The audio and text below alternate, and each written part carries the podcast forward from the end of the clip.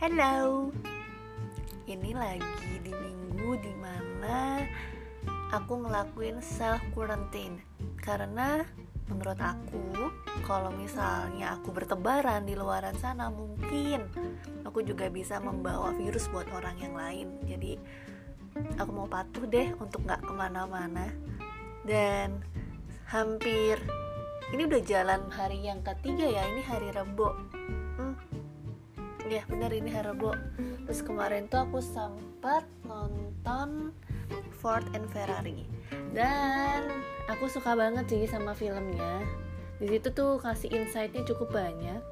Bukan ngomongin soal bagus filmnya dari uh, um, dari kayak oh uh, Ford kayak gini nih lahirnya Ford mobil Ford tuh kayak begini begini. Bukan itunya sih tapi lebih dapat rema di saat um, Ken Miles itu jadi um, pebalap. Bukan lagi soal seorang montir. Di situ tuh aku dapat remanya adalah ketika kamu ingin mendapatkan sesuatu ketika kamu ingin dihargai seseorang jadilah ahli di bidangnya. Misalnya kamu jago di hmm, jualan ya buatlah itu menjadi profesionalnya kamu dan di situ uh, aku dapat remanya adalah bukan lagi tentang investasi uang di mana harus diletakkan kayak di reksadana kah, di saham kah, obligasi kah, pasar uang kah, atau dan sebagainya.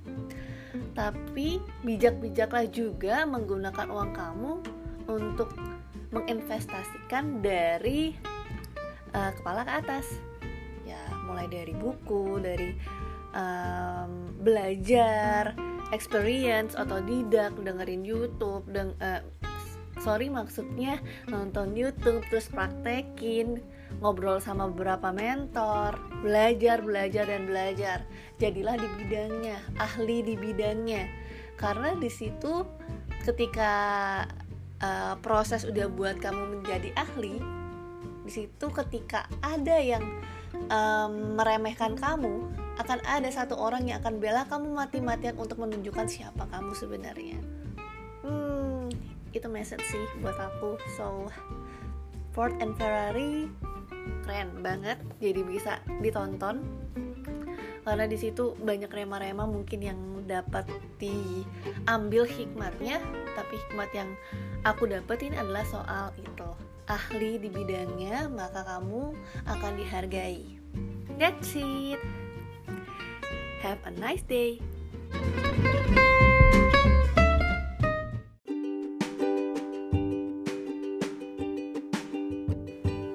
Hello, udah lama nih gue nggak ngomong di podcast gue sendiri, di di diary gue sendiri.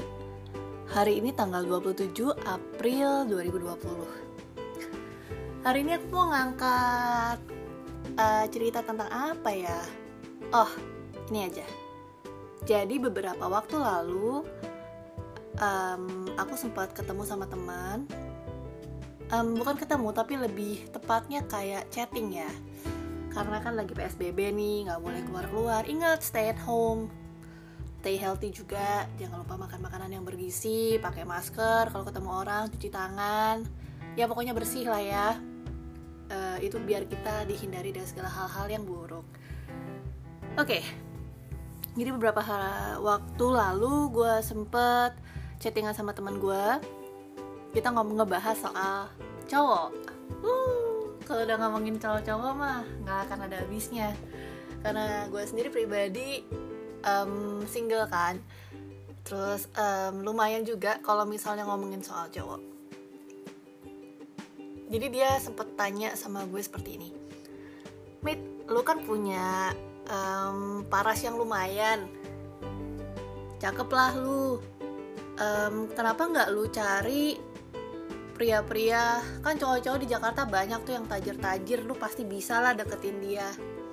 Gue cuma bisa jawab kayak gini. Oh ya iyalah pasti gue bisa kedeketin cowok-cowok uh, di Jakarta yang tajir-tajir, yang ganteng-ganteng, tentu bisa gue bisa pakai ilmu manipulasi gue untuk mereka. Tapi sayangnya pria-pria ganteng dan tajir itu nggak suka cewek goblok. So I think it's better for me to increase my value. So um, gue ngomong kayak gitu sama teman gue dan teman gue langsung kayak hah gila lu.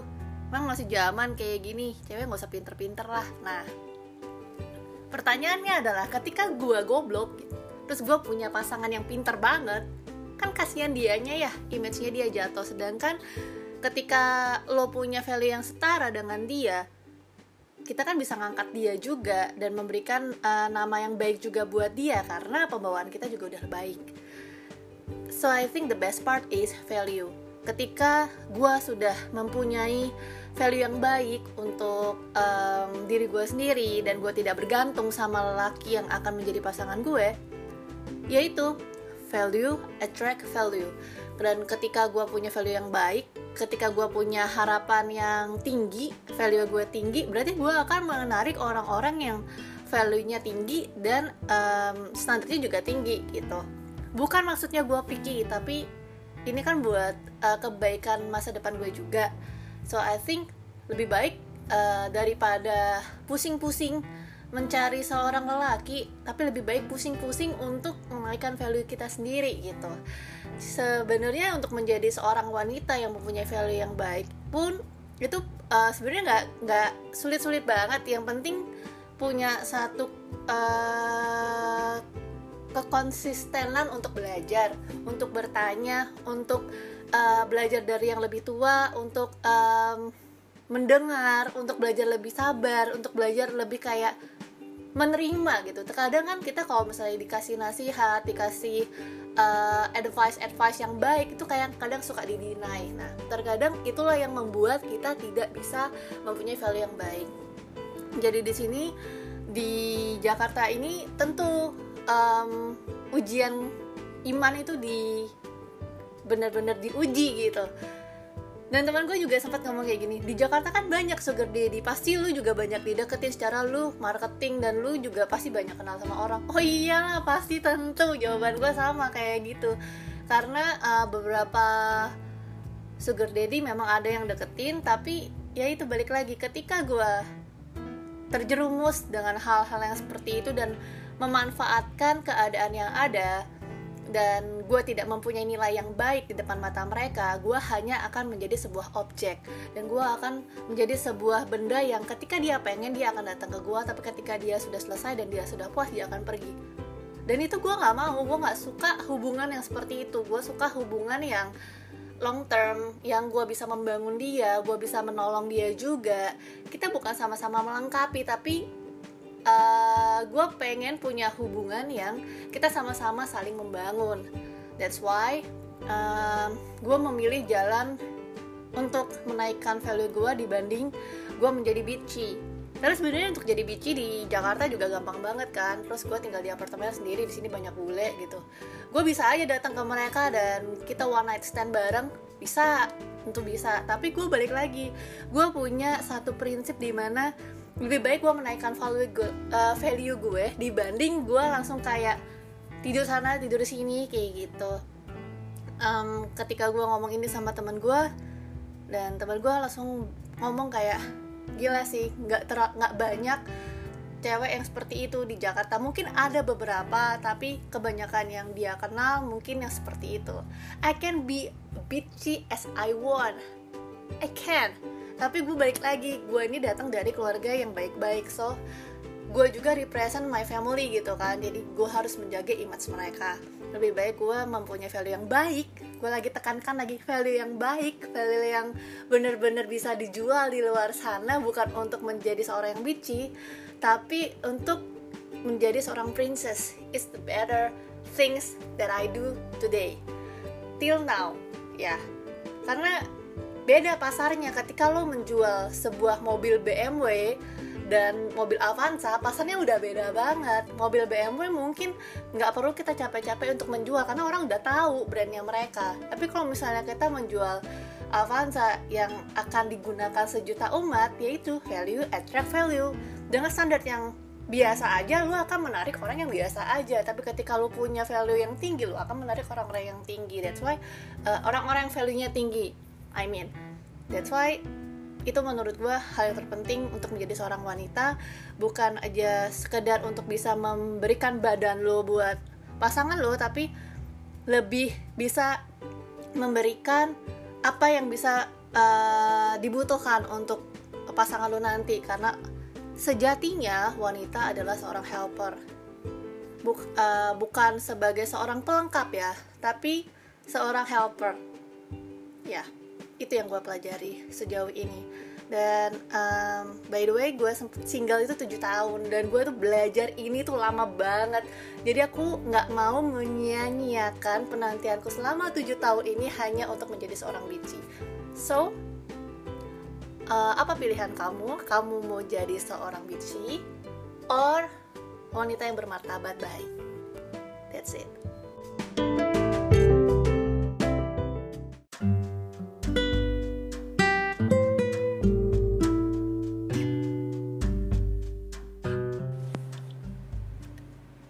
Hello, balik lagi sama aku Mita Puspita. Ini tanggal 1 Juli, yes, welcome Juli. Hmm, Aku lagi pengen celoteh ria nih biasa untuk mengisi malam. Dan pada tanggal 1 Juli ini aku pengen sharing tentang happiness. Karena um, beberapa waktu yang lalu aku sempat denger percakapan seorang teman. Terus dia juga yang dia juga lagi membicarakan seorang temannya yang lain. Halnya simple ini adalah tentang pekerjaan yang dijalankan dengan setulus hati dan uh, tanpa memikirkan gaji atau hitung-hitungan tapi teman yang satunya lagi um, mengerjakan pekerjaannya tapi dengan tidak tulus hati well di sini aku kayak dapat satu pesan bahwa kalau sebenarnya bekerja yang dengan setulus hati sekalipun mungkin duitnya nggak kelihatan tapi itu bisa sangat melegakan hatinya. Tapi kalau misalnya bekerja dengan bersungut-sungut mau seberapa pun uangnya yang dia terima dia tidak akan pernah bisa menikmatinya. Itu sungguh buat aku kayak wow itu cukup diapresiasi sih karena teman-teman yang bekerja ini juga memang mungkin gajinya nggak seberapa tapi mereka bisa menikmati kehidupannya dia. Dengan yang dia punya terus bekerja tanpa bersungut-sungut terus um, ya bisa menikmati hasilnya. Dia benar-benar di mukanya itu happy nggak ada yang namanya beban nggak ada yang namanya sedih nggak ada yang namanya kayak kok uang aku cuma segini sih? Nggak kayak gitu. Dan di situ aku kayak ngelihat yang namanya nggak punya uang tetap happy ya itu ketulusan yang sesungguhnya dan uh, kebahagiaan yang sesungguhnya. Terus yang satunya lagi gajinya lumayan banyak padahal kerjanya tuh nggak berat nggak ribet juga. Tapi keluhannya itu luar biasa banyaknya. Dan tuh bisa kayak um, apa ya semuanya itu kayak dikeluhkan gitu. Padahal kerjaannya itu cuman mengirimkan barang yang poinnya juga nggak jauh-jauh banget. Nggak seperti teman-temannya yang happy ini gitu.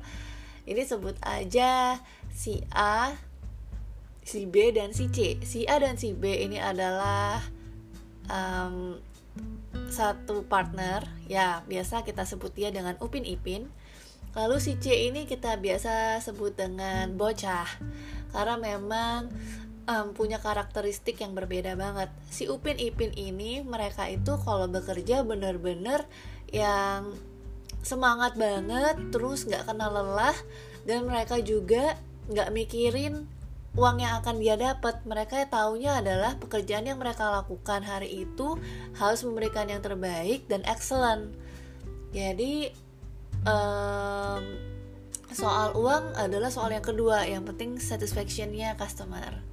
Lalu si bocah si bocah ini lebih memikirkan soal tip memikirkan soal gaji dan dia juga memikirkan soal apa sih yang menyenangkan dirinya di saat bekerja? Jadi dia bukan lagi um, soal membahagiakan seorang customer tapi dia memikirkan tentang dirinya dia sendiri.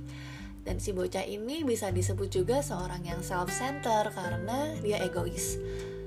Karena memikirkan diri sendiri. Kalau ada tip yang gede dia baru akan lakukan. Tapi kalau nggak ada tipnya dia ogah-ogahan.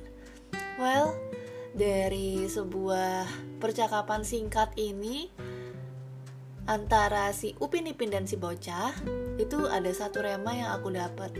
Apakah kebahagiaan kamu ditentukan oleh banyaknya uang yang kamu dapat?